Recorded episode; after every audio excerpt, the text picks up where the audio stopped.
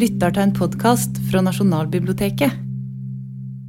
Um, når oppgaven er å oppsummere et sagnomsust uh, tiår som i dag ligger 40-50 år tilbake i tid, med fire forfattere som til sammen har skrevet sånn rundt 70-80 bøker, um, og på hver sin måte preget det litterære liv. Og dette også på en liten time kan man som ordstyrer ta seg i å tenke på noe den amerikanske forfatteren Henry Thoreau en gang sa. Nemlig at historien bør ikke engang å være lang, men det vil ta lang tid å gjøre den kort. Vi skal først og fremst snakke om det litterære 70-tallet. Men det er umulig å gjøre det uten også å snakke om uh, den verden disse bøkene ble til i. Dette tiåret du, Kari, har omtalt som den gode viljens tiår. Um, og du, Gerd, som de opprørske 70-årene. Og du, Liv, som det vanskelige 70-tallet. Og du, Tove, som det utskjelte, men òg så morsomme og energiske 70-tallet.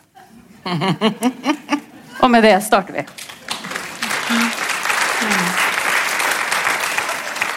Eh, disse bøkene som ble nevnt innledningsvis her av eh, Eline, eh, som står i eh, utstillingen, de inngår i rike og varierte forfatterskap. Og de er ikke nødvendigvis representative for forfatterskapene, men de var uansett sterke litterære uttrykk for den politiske og eksistensielle kampen som ble ført litterært på 70-tallet. Eh, Eh, det vil fremgå tror jeg, i løpet av denne samtalen at uh, disse forfatterne har ganske ulike hovedanliggender i disse bøkene og i forfatterskapet for øvrig. Men et av temaene som blir direkte berørt i i hvert fall tre av bøkene, nemlig i Vivian Hvit, i Historien om Eli og Aldri la dem kle deg forsvarsløst naken, det er abort- og graviditetsspørsmålet.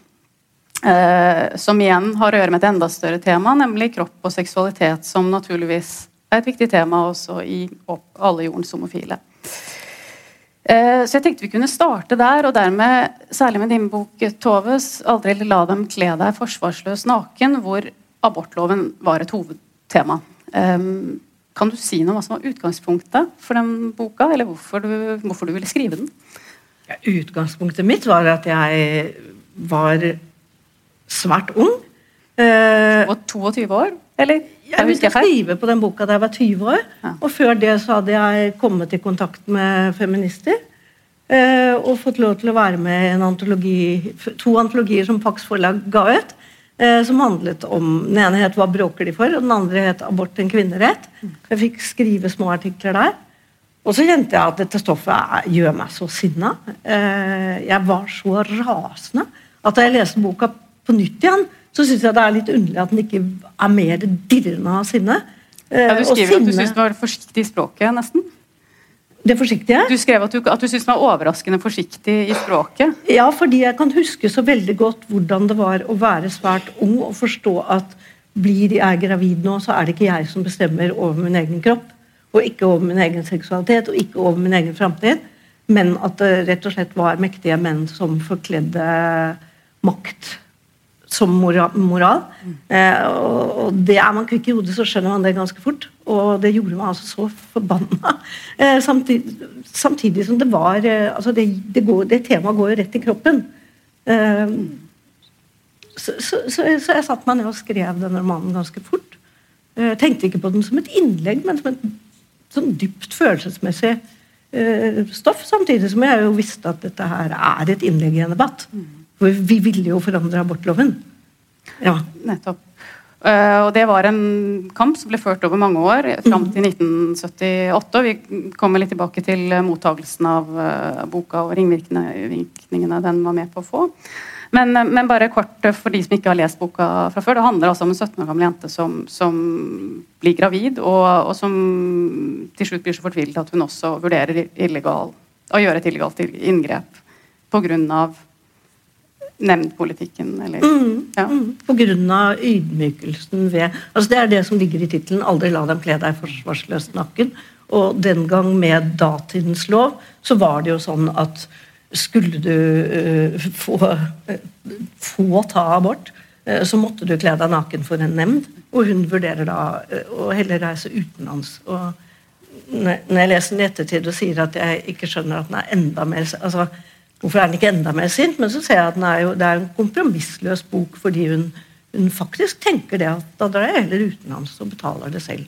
Og hun tenker at det, hun har en kjæreste, men, men, at dette er hennes sak. Og jeg skrev den jo uten, uten forbilder. Det er først etterpå uh, at jeg ser uh, de andre som har skrevet om dette, sånn som nå leser Tove Ditlevsens novelle mm. 'Det gjenstridige mennesket', hvor hun har en passasje om kvinner og abort som er knallhard og komprimert. Og som skjærer gjennom all sentimentalitet om barn og moderskapet. Og uh, bare kjenner at 'dette skal jeg gjøre'. Og, og, det var jo det jeg ville ha ut i den boka. da. Ja, Torbjørn Nedreås er vel et norsk eksempel som er nærliggende å mm. tenke på. Jeg går ut fra at det er andre her som har også tanker om din bok, men det kan vi ta litt sånn uh, underveis. Men uh, spørre deg også, Kari.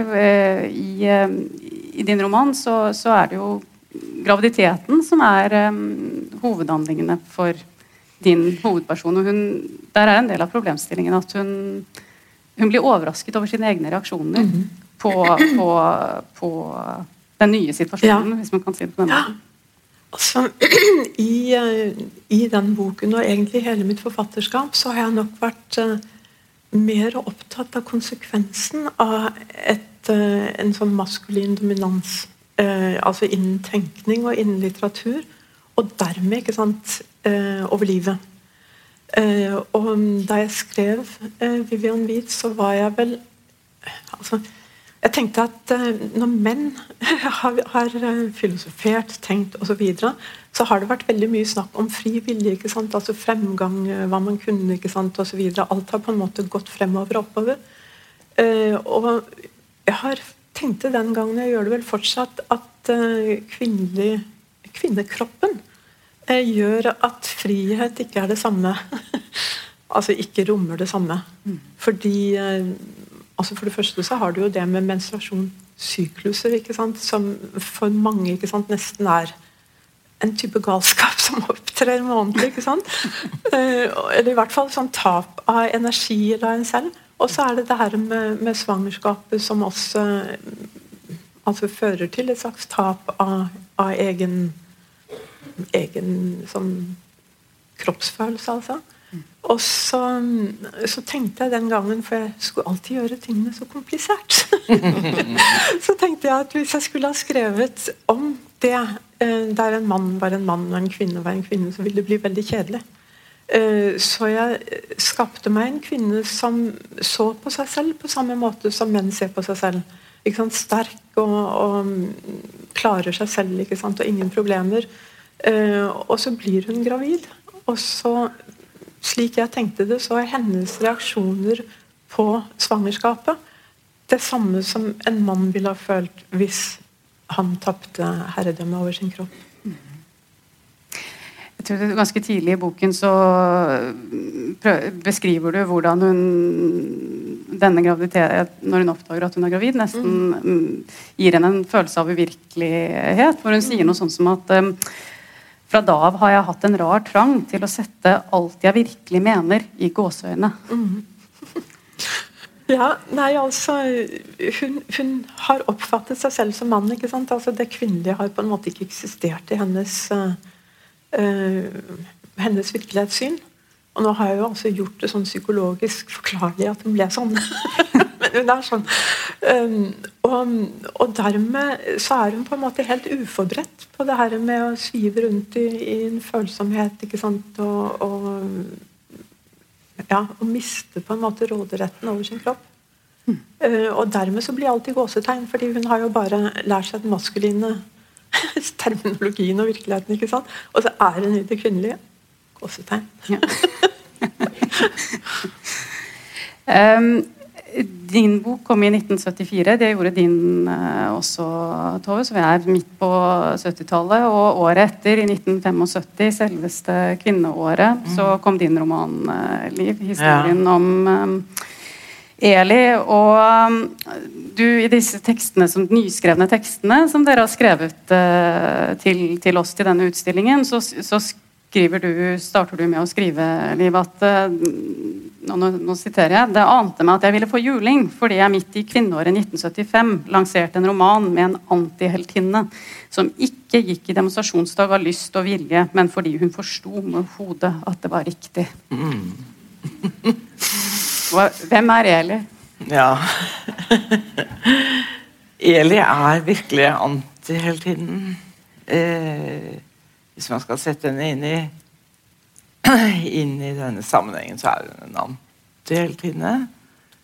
Jeg vet ikke, jeg liker henne godt, ja, altså. Og Jeg vet ikke om jeg skal Det er så vanskelig, det der. Men uh, Eli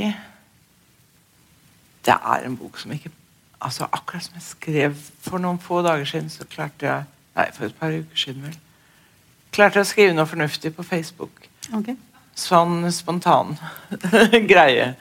Og jeg hadde tenkt å ta med Jeg har den på mobilen min, men den er skrudd av. Se om jeg husker det. Og det angikk min eh, aller siste roman, 'Melding til alle reisende'. Ja. Og så sendte jeg ut et foto av boken og forsmelte sånne små ting som står på skrivebordet. Og så skrev jeg 'Denne romanen elsker jeg. Min egen'. Mm. Og den kan aldri eh, bli en debattbok. Eh, verken et eller annet med metoo mm. eller eh, Hva var det siste? Like aktuelt. Virkelighetslitteraturdebatten, kanskje? Hva? Virkelighets ja, virkelighetsdebatten. Det er helt riktig. Mm. Enda den ligger snublende nær begge deler, eller noe sånt. Mm. Det var den. Og på en måte Det er på en måte alt jeg har å si.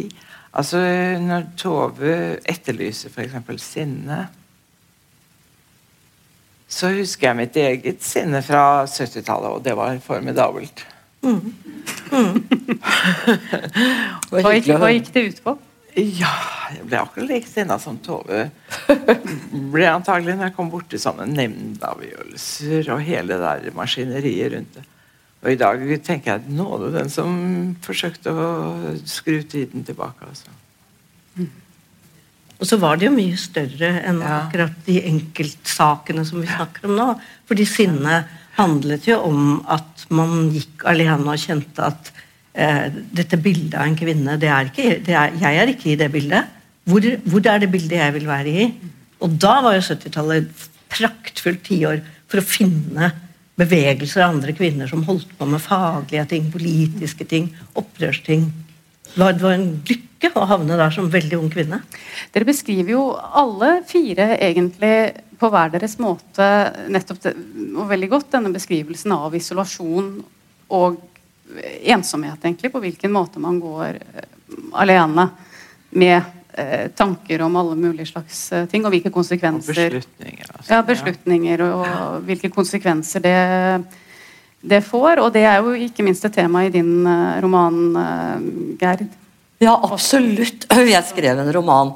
Jeg har jo hatt, hadde ambisjoner om å bli forfatter.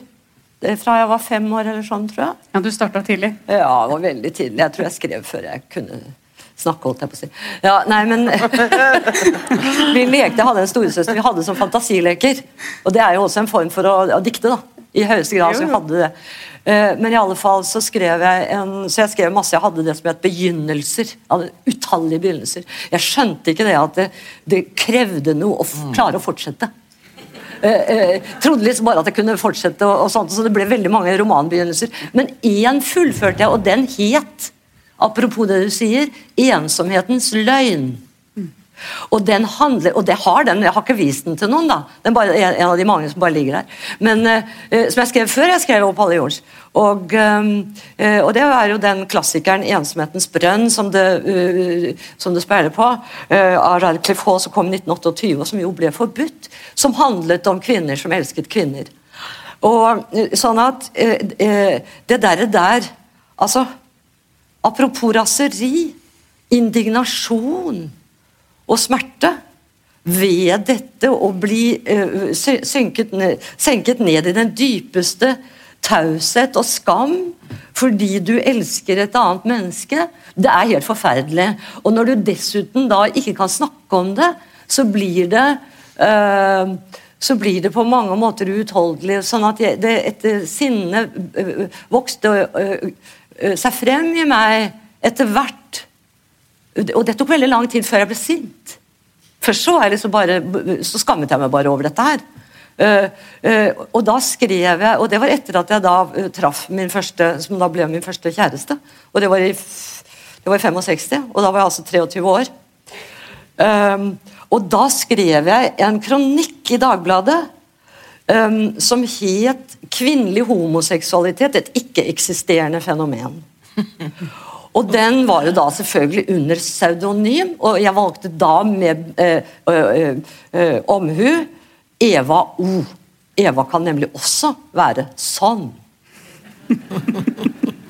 og O da som et slags kvinnetegn.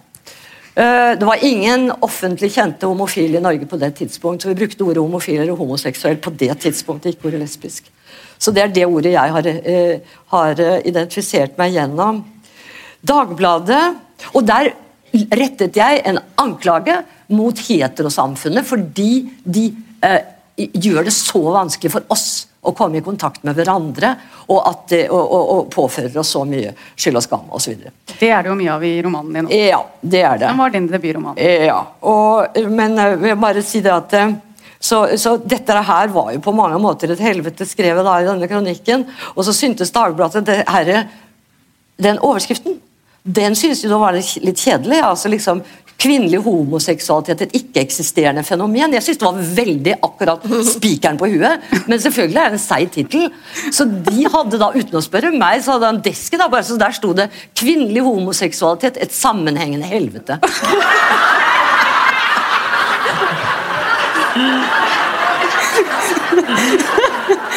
Ja det...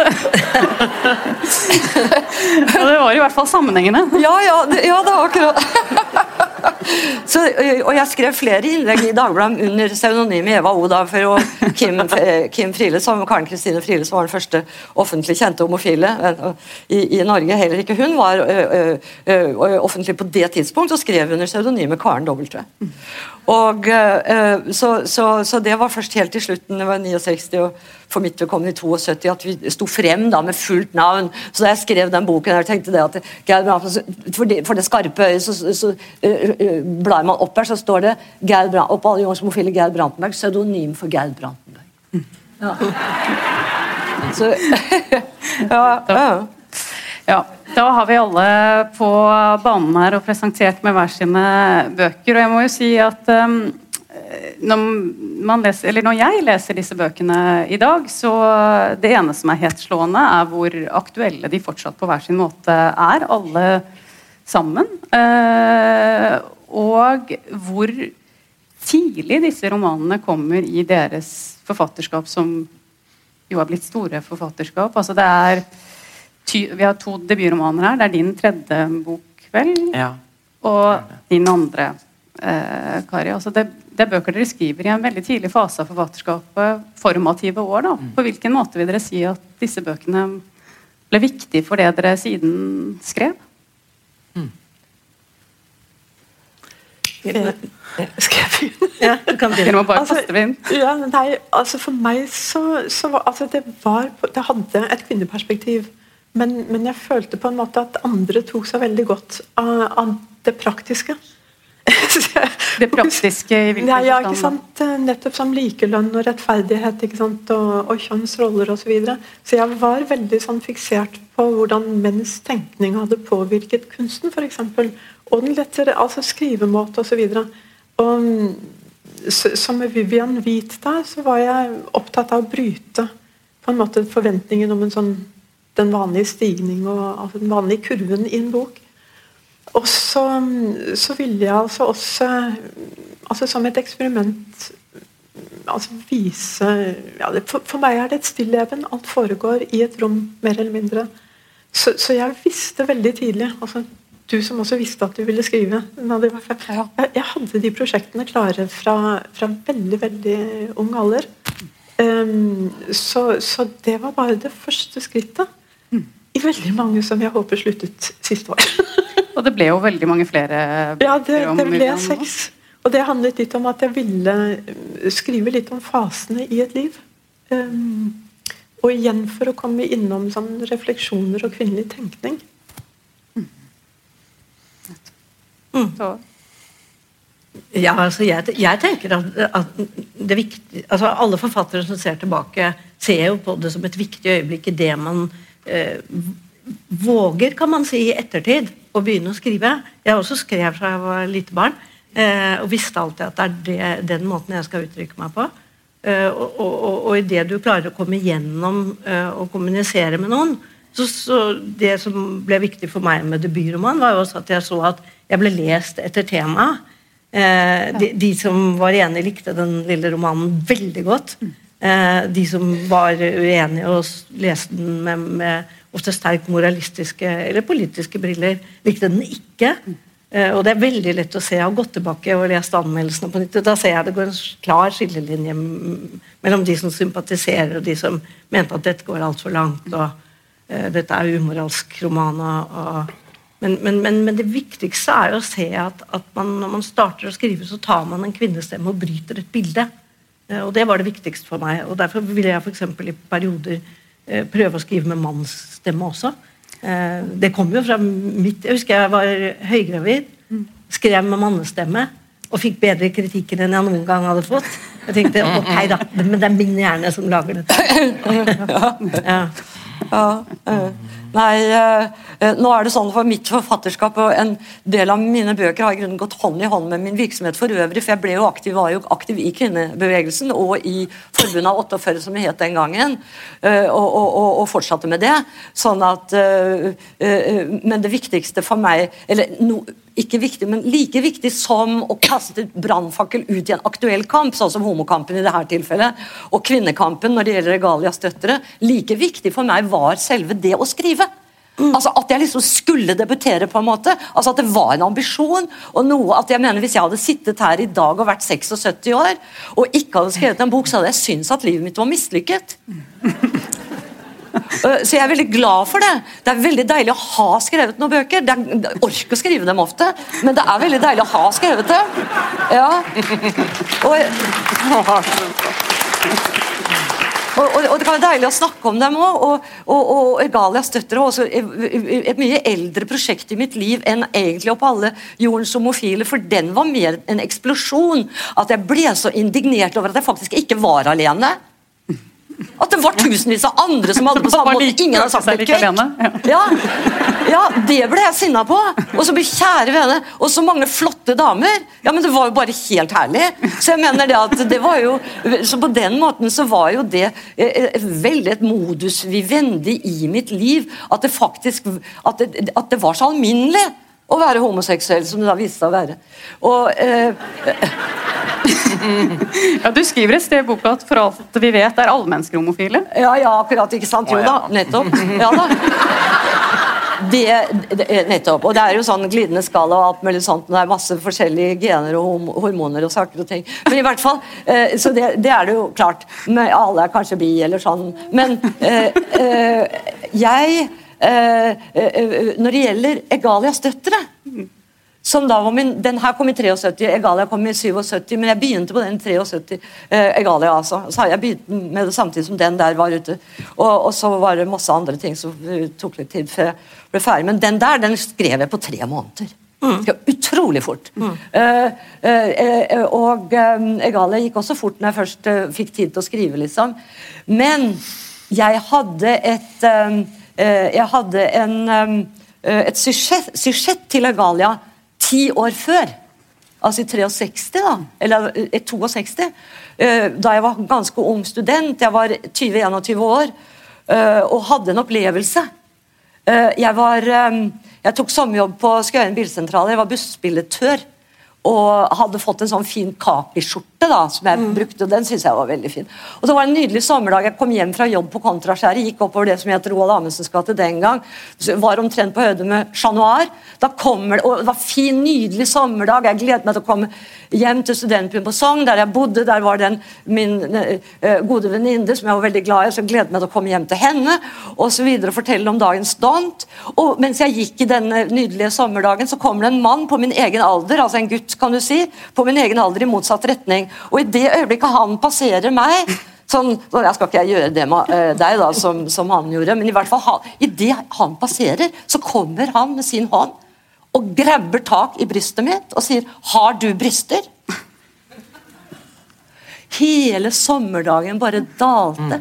Jeg var i så godt humør, og det var så nydelig alt sammen.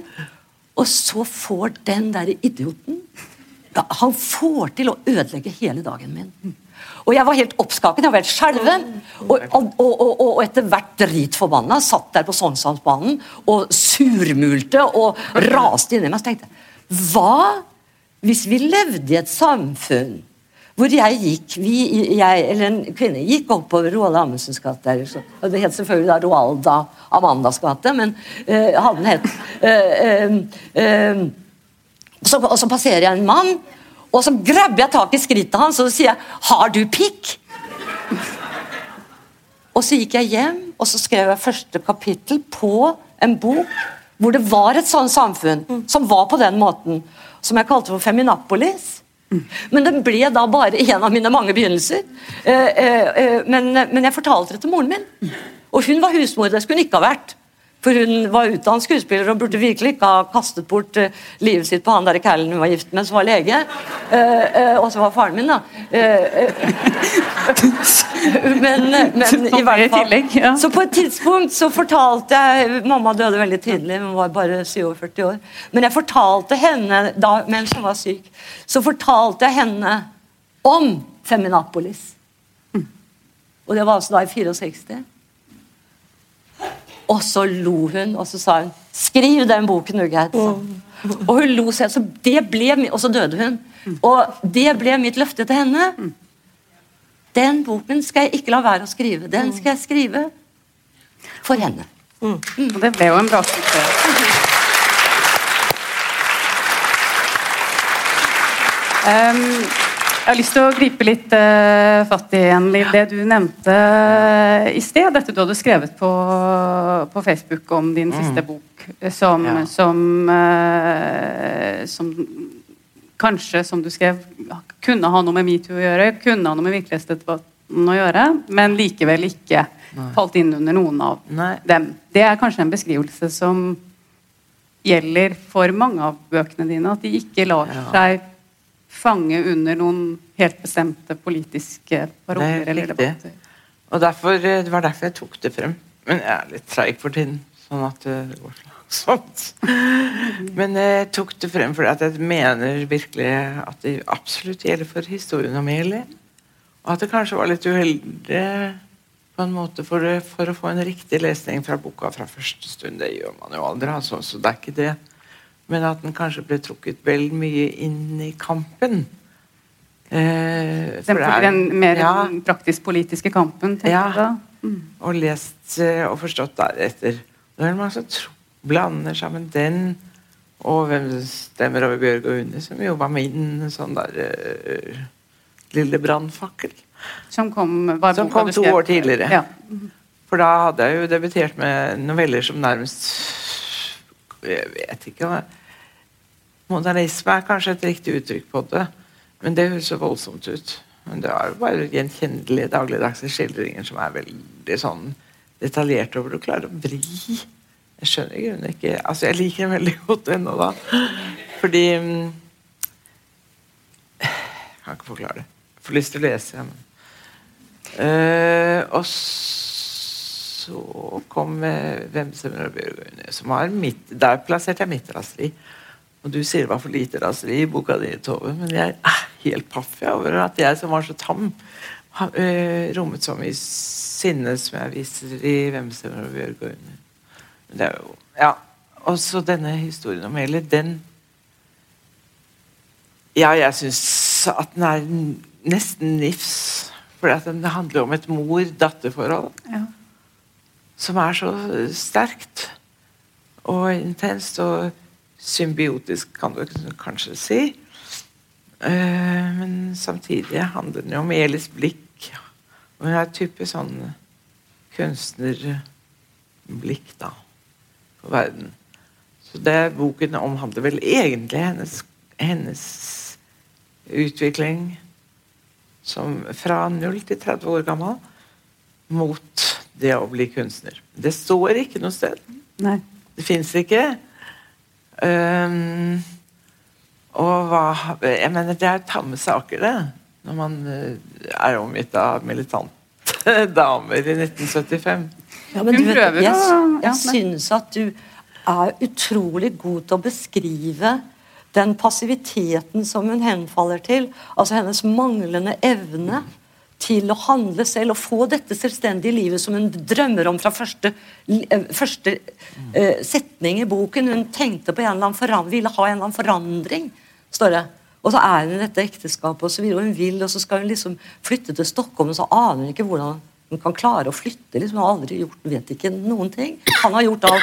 Altså, Du beskriver veldig altså Det er liksom en sånn På mange måter Simone de Beauvoirs forlengede arm. Det her syns jeg altså The Second Sex, eller altså kvinnen som den, den eh, det, annet, det annet kjønn. henne som det annet kjønn, på en Ja. måte. Men samtidig så er hun jo Nei, jeg vet ikke. Altså, hun Hun er kunstner på ramme alvor, egentlig, når jeg tenker over det. Og Det betyr at hun har dette egne blikket på verden, og at hun har, graver litt dypere enn de andre. Fordi mm, Fordi et eller annet. Jeg vet ikke. Det er hyggelig. Bare at jeg ikke mm,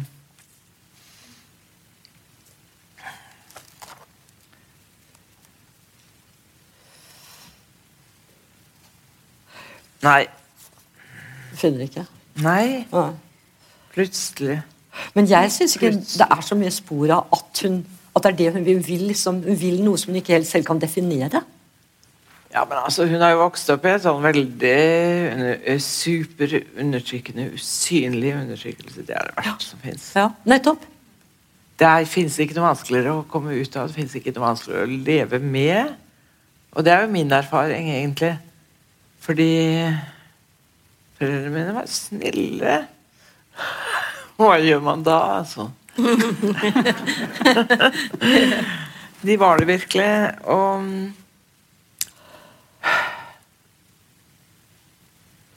Ja. Nei, jeg vet ikke. Jeg legger den vekk. Ja, Ja. Eh, Når du sier det, så får jeg en tanke eh, eh, om dette at alle skriver seg ut av en tidligere generasjon. Og om foreldrene var snille.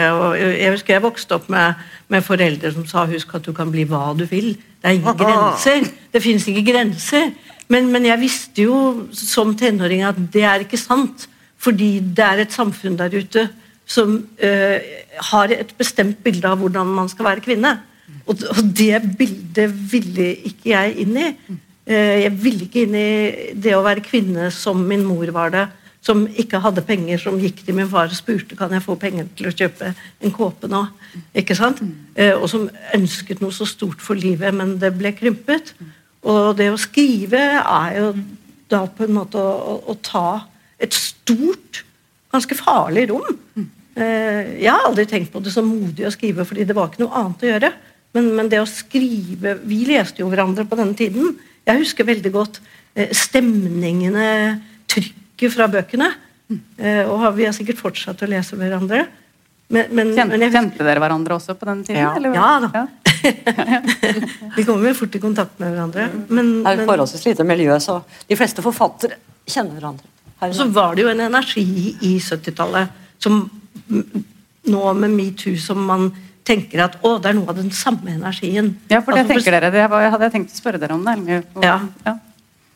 Jeg sy- øh, nå har jeg da rekapitulert disse bøkene i forbindelse med at jeg skulle hit. Og jeg synes at med de, de, de tre andres bøker, da Det slo meg Og jeg, jeg leste dem den gang. Det slo meg så veldig mye mer enn nå som jeg kan se det med perspektiv. Du store min, Alle disse fire er jo på en eller annen måte brannfakler inn i den aktuelle kvinnekampen den gangen. Altså Din bok kanskje særlig, Tove. Med, altså at Jeg ble imponert over Kjære venner, jeg måtte slå opp i leksikon. Hvordan var det egentlig? Jo, jo, den her abortloven den ble jo ikke vedtatt engang. Altså, eh, det var, men det, det ble en mildere osv. Det var jo flere trinn. og han Otto Hauglien han var for øvrig en klassekamerat av meg. Han skiftet jo mening. Ja, han, eh, han øh, øh, øh, stemte jo mot SV der på Stortinget. Så sånn at det ble jo, det trakk jo langdrag. Sånn at din bok den var jo virkelig en aktuell så skjønnlitterær brannfakkel inn i selve debatten. Det var en veldig het og veldig følelsesladet eh, eh debatt om eh, selvbestemt abort, som det het i, i, Norge, og fri abort, som de kalte det i Danmark. Det var veldig følelsesladet. Selv så må jeg innrømme at jeg til dels forandret litt standpunkt under debatten. altså at Jeg lot meg påvirke av, av det. Men jeg hadde jo en far da, som var lege, og som var mot, motstander av den abortloven. Og, var, og, og, Så jeg visste om de gråtende kvinnene, unge kvinnene som hadde kommet til hans kontor og bedt ham om å hjelpe ham. Det var et stort problem for ham. For han ville gjerne hjelpe dem. Han så ofte at dette her var veldig meningsløst. og, og sånn. Så, så, så det var øh, øh, og, og, og, samtidig så er det jo det er stadig angrep på denne abortloven i dag også.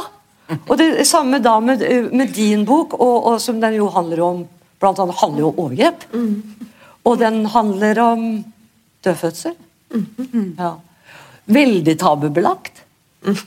Og Anne Karin Helstad har jo skrevet om det veldig nydelig, må jeg si, i en av sine bøker. Uh, og, og, og, det som jeg har sagt før, da, uh, mer filosofisk, syns jeg, Liv, din bok. Ja. Så, så, så, så, jeg syns at det er veldig interessant å lese disse bøkene i dag. er det det er jo også mm. bøker som, som, Selv om det er bøker som kommer tidlig i forfatterskapene deres, så ser man jo også hvor Dere er jo veldig formbevisste, alle sammen på hver, på hver deres uh, måte. Og dere finner jo en stemme ganske tidlig med disse bøkene. Også som er gjenkjennbar for en leser uh, mm. i dag. Det er i hvert fall min uh... Jeg må si at jeg hadde det veldig fint med å lese Jeg leste ikke hele, men deler av Vivian Wheat nå. Ja, jeg vil tippe at dere har noen berøringspunkter. Ja. Vi har jo kjent hverandre helt siden den gangen, men, men det vakkert, rett og slett. Og det skal jo bøker også være. Jeg bare minner om det. altså.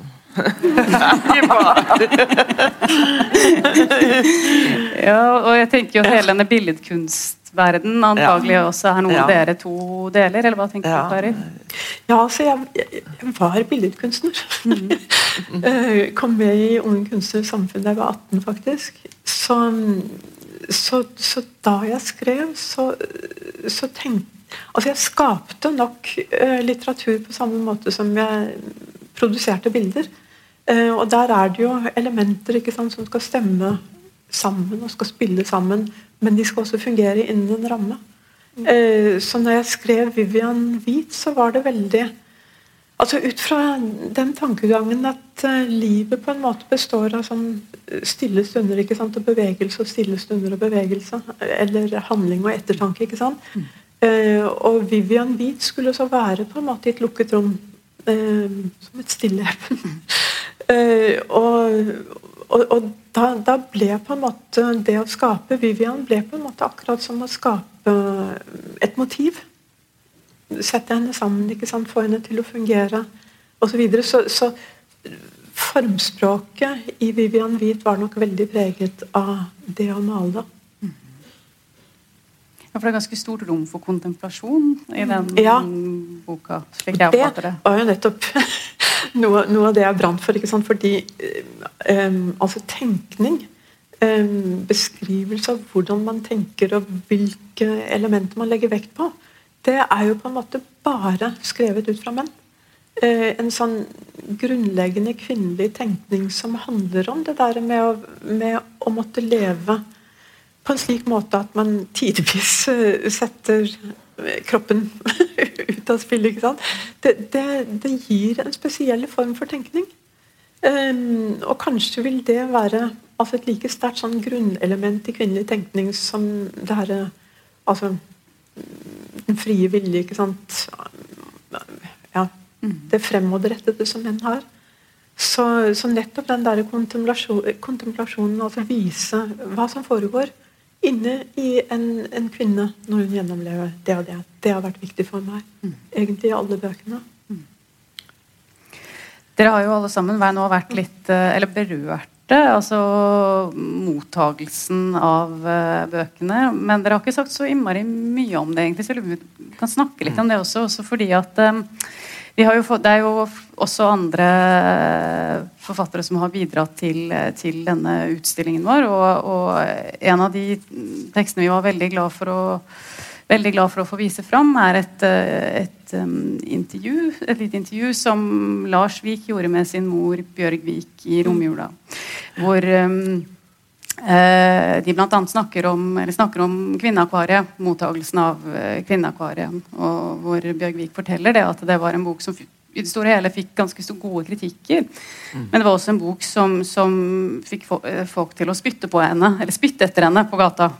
Eh, og det er jo en ganske voldsom eh, reaksjon, eh, må man kunne si. Eh, og, og, det sier vel noe om hvor mye som sto på spill i ja. disse bøkene som blir gitt ut i dette klimaet. Da vil jeg, ja, eh, da vil jeg uh, sitere Rana Blad, som uh, uttalelse om Og på alle jordens homofile.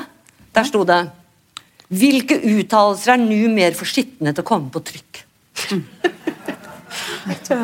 Og din bok, hvis ikke jeg husker feil, nå får du korrigere meg hvis jeg, hvis jeg, sier feil, men det var vel en bok som fikk én anmeldelse i riksdekkende aviser, nemlig Dagbladet, og ellers ble den ikke anmeldt? Eller? Nei, det stemmer ikke. Nei. Uh, nei, den fikk Altså, den ble anmeldt i Dagbladet, ja? Ja, Den ble anmeldt i Dagbladet. Den ble anmeldt i Dagbladet. Av Toril Skar. Av Toril Skar. Og den anmeldelsen angrer hun på. er hun her nå? Nei. Hun ville sikkert ikke turt å si det. Kanskje sitter og streamer. Hun skrev opp alle jordens homofile? spørsmålstegn. Det var overskriften. Og så, uh, og så, og så skrev hun liksom altså det var veldig, og det var veldig egentlig ikke noe anmeldelse av en som at det var skjønnlitterær, et skjønnlitterært produkt. Jeg lengtet jo etter å, at noen skulle skrive 'Her kommer et lovende ungt talent'. ikke sant? Og sånn. Men nei da, den, ble behandlet som en debattbok, og det var delvis Gyldendals feil. da, for de lanserte den ikke som en skjønnlitterær debut. Selv om det er en skjønnlitterær bok. Så, så, det, så, det, er noe så. Um, og den anmeldelsen endte med, jeg, endte med følgende setning. Jeg vet ikke ikke hvordan denne boken virker på homofile. Men for meg er den, etter 14 dager, som slettet av minnet. Det var en sånn kalddusj og fra et menneske som jeg jo beundret Hun er akkurat liksom den eh, såpass de årene eldre, eldre enn en sånn storesøstergenerasjon. ikke sant? Sånn at eh, jeg var veldig skuffet over den anmeldelsen. Og hun sier, og hun har sagt det senere, da, at hun ikke helt forsto hvor betydningsfull når den boken var, og at hun har angret på den. så det må bare den, Men det er riktig som du sier, at boken fikk veldig få uh, Men til min forbauselse så så jeg at den ble, den ble faktisk anmeldt i Fredrikstad Blad. Hvor, men den ble aldeles ikke utstilt på noen, i noen bokhandler i Fredrikstad. Og det, det, var ikke noe om at det her kommer liksom byens store datter og har debutert og greier. Nei, det var, det var først da jeg skrev sangen om Sankt Croix. Da, da, trykket Fredrikstad meg sitt, til sitt bryst, og det har de gjort siden. Jeg har til og med fått uh, avdøde pølsemaker Fridtjof Halvorsens legat til allmennyttige formål. Det er bra. Det trodde jeg aldri jeg skulle få! Og banksjefen på den ene siden og ordføreren på den andre. liksom der på uh, Føniks eller annet sånt elegant selskapslokale. Handelsstand var det visst. Og, og, og, og, sånn, Så, så det, de har jo tatt igjen, da. Men uh, selve boken, den lå i kjelleren. Ja. ja. Da den kom. Du har skrevet en gang om hvordan du fikk uh, kjøpt et eksemplar av din egen bok til slutt. I, I Elverum? Ja, det var vel der, ja. ja. Var, var, vi var en gjeng med svært oppegående lesbiske feminister som hadde påskeferie eh, utenfor Elverum, bl.a. Liv Finstad, og, som hadde hytte der. Og, eh, og sånn, ja, Nå går vi inn i en bokhandel og spør om de har opp alle jordens homofile, fant vi, fant vi ut. Og de andre var danske, så de kunne jo bare Uh, for å stikke av gårde igjen til Danmark. Ja, men i alle fall så, uh, så gikk vi inn da og spurte om, om de, Og det var en av de danske som spurte om de hadde opp alle jordens homofile. da. Så det var en mannlig. Og så ble han helt sprutrød. Og han var veldig hyggelig. Søt mann. Og så forsvant han. Og så og ned i dypet, og så kom han tilbake da, med alle jordens Han hadde i. han hadde den tydeligvis i kjelleren. da. Å ja, men så fint at dere har det! Jammen ikke mange som har den. Det er forresten hun som har skrevet den, sa hun der Bodil. Og så toget du ut. Ja. Var det den historien? Nei. Ja, det var, ja, det var vel den. Ja. Hva med deg, Tove? Hvordan, eh, hvordan Var du fornøyd med mottakelsen, eller var det altså Skapte den like stor debatt som den burde ha skape? Ja, det var mye altså, Jeg var så lykkelig over å få ut en bok. Ja, og skjønne at nå er mitt forfatterliv i gang. Uh, samtidig som det skjedde i en tid med mange demonstrasjoner, mye opprop, mye artikler, feministmøter, Men kvinnekampmøter. du var selv en del av Nyfeminist. Ja, ja absolutt. Og, og var så glad for å finne et miljø. Eh, men, men det er klart at altså, disse lesemåtene som vi ler av i dag Jeg husker en, jeg husker ikke hvilken avis, hvor overskriften for anmeldelsen av, av min første roman var 'Hormonell ubalanse?' spørsmålstegn. Ikke sant? Og en annen startet anmeldelsen med og Det var faktisk i Dagbladet, men jeg er ikke helt sikker på om det var den boka eller neste. Eh, hvor det var sånn den unge forfatteren kan ikke selge noe for at hun har så blå øyne. Ikke sant? Og du, du kjenner bare oi, oi, oi. Men det var bare befordrende. For, for det, det, det visste man på den tiden at det er gått ut på dato å tenke sånn, det er gått ut på dato å skrive sånn. Så for meg var det bare en slags sånn bare vent, altså. Bare vent. Vi skal skrive mye mer, vi skal ta et stort rom. Og det gjorde vi jo. Forandret pensumlister eh, rundt omkring på ulike fag. Altså, så det er derfor jeg tenker på det som et utskjelt, men å, så energisk tiår. Og fikk gjennomslag for mye. Ja. Mm. Og så tror man at det er gjort. Nå er den debatten tatt. Nå har vi fått det igjennom. Og så går det noen tiår, og så er det i gang igjen. Jeg har, ja, Ja. jeg har lyst til å Jeg har lyst til å tilføye med hensyn til det med mottakelsen av alle jordens homofile, fordi at saken var den at den solgte 800 eksemplarer da. Første året, det var jo en veldig skuffelse.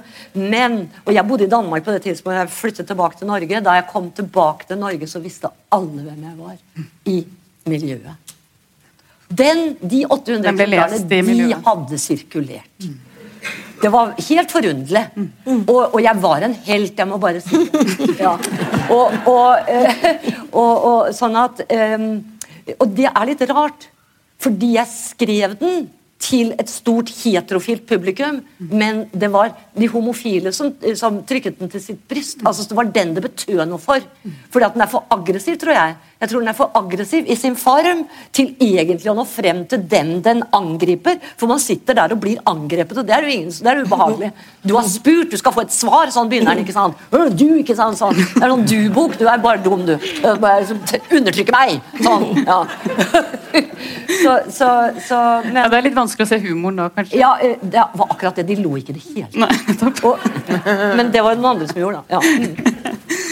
Mm. Eh, spørre dere også, Kari og Liv. Det, altså, du antydet jo det, Liv, at um, det var en bok som, som nettopp fordi den ble gitt ut i et veldig sånn, politisk agitatorisk uh, tiår, så var det kanskje en roman som ble lest på litt andre premisser enn Ja. den var skrevet. og det vil jeg jeg vet, jeg vet ikke hvordan det var for deg, Kari, men kanskje er det noen berøringspunkter der for dere? Jeg vet ikke.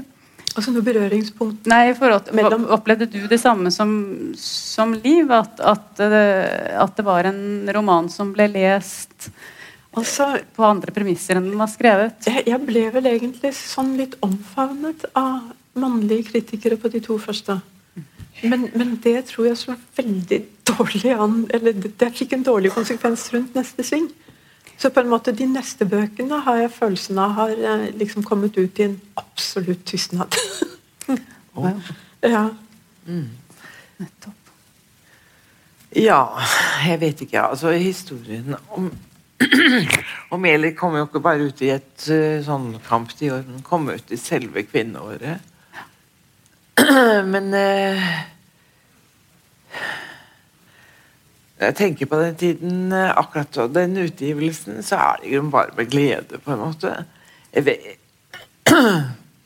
jeg, jeg, jeg kan ikke huske noe negativt eller noe raljerende, eller tvert imot. Altså. Men nå er det jo vanskelig å skjelne mellom egne minner og sånne etablerte litteraturhistoriske myter noen ganger. Så jeg har følelsen av at jeg selv kjøper litt lett litt for lett historien om at historien om Eli var en stor suksess. ja, du er litt usikker på hvordan det egentlig var? ja. Jeg gidder, gidder ikke å finne det ut heller. Men um, Nei, altså det er jo en Det er en eh, klassisk eh, En klassisk hva det heter noe, dannelsesroman. Det er det, altså. Hadde den kommet ut i et annet tiår, så hadde den kanskje blitt lest om det.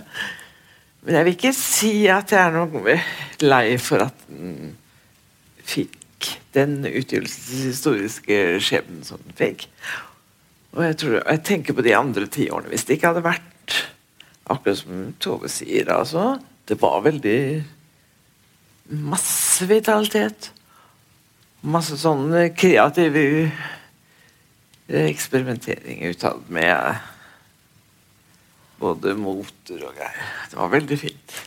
Det er ikke så altfor lenge til vi skal begynne å runde av uh, her, men, uh, men, sånn i ettertidens lys så, og litteraturhistorisk sett og sånn, så er det jo kan man jo tenke at, at dette var et banebrytende tiår også fordi det var et tiår hvor kvinnelige erfaringer i mm. langt større grad enn tidligere ble skrevet inn i uh, litteraturen, og gjerne da under slagord at det personlige er politisk. Um, mange vil mene at dette har endret litteraturen i de sene, i tiårene som fulgte, også nettopp fordi at forståelsen av det personlige, forståelsen av hva slags type erfaringer som var litterært interessante, hadde forandret seg i så stor grad. Altså, hvordan tenker dere rundt dette? Det... Ja, absolutt. Vi har vært veldig innflytelsesrike.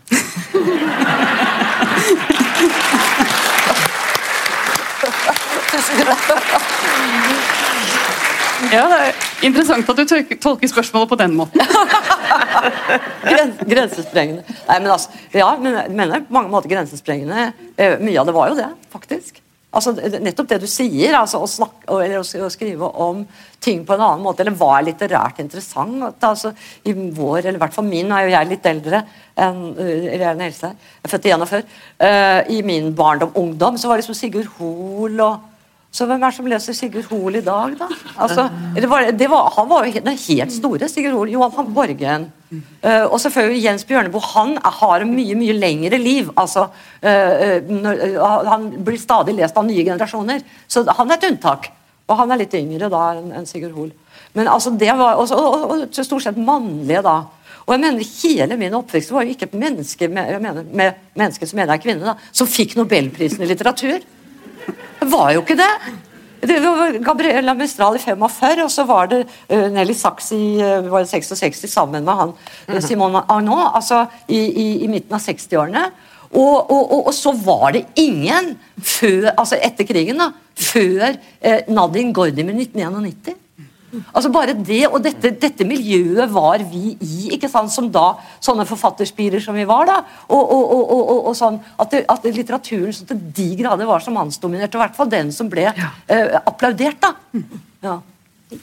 Det du sier også nå, det er jo at, at man skriver de bøkene man savner.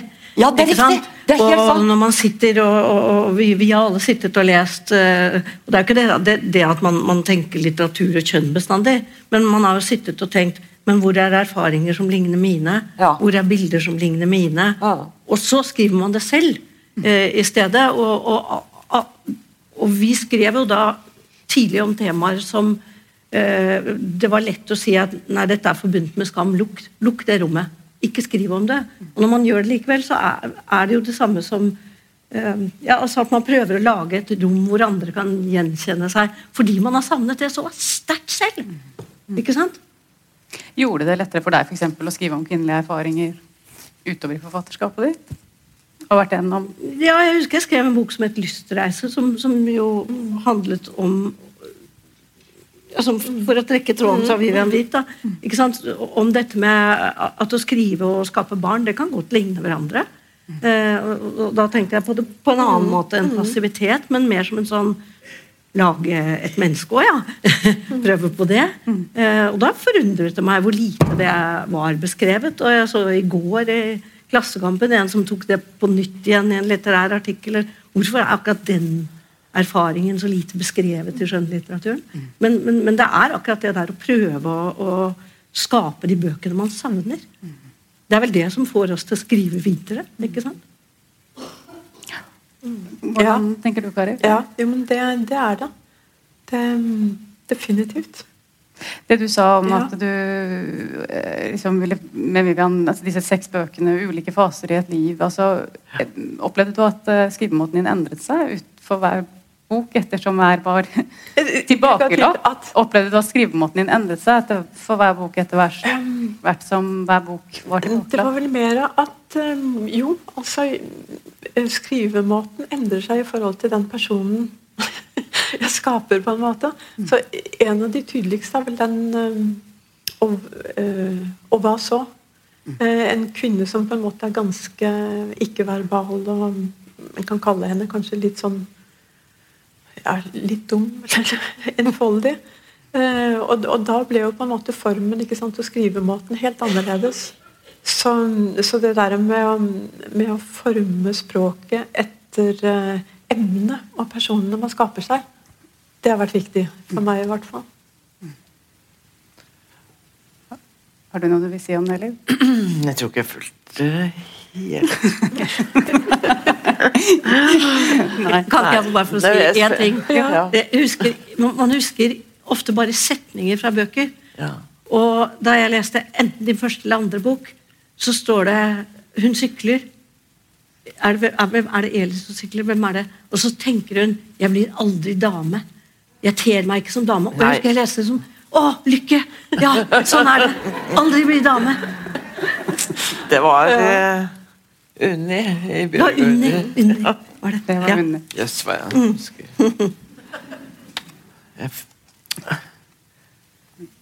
Skal vi se Det er så langt sprang fra debatter til Eller samtaler om litteraturen til litteraturen. Men jeg har altså lagt igjen brillene mine. Ja, det var det med hva man skulle bringe inn i det synlige, som vel har vært et stort tema for dere alle på ulike Ja. måter. Ja. Eh, vi skal runde av her fordi vi skal ha musikk, eh, og dere har holdt på eh, lenge og vel og mer enn de ba dere om. Eh, tusen takk til dere alle sammen. En stor applaus. Og publikum blir sittende. Det kommer musikk. Takk Ja. Takk.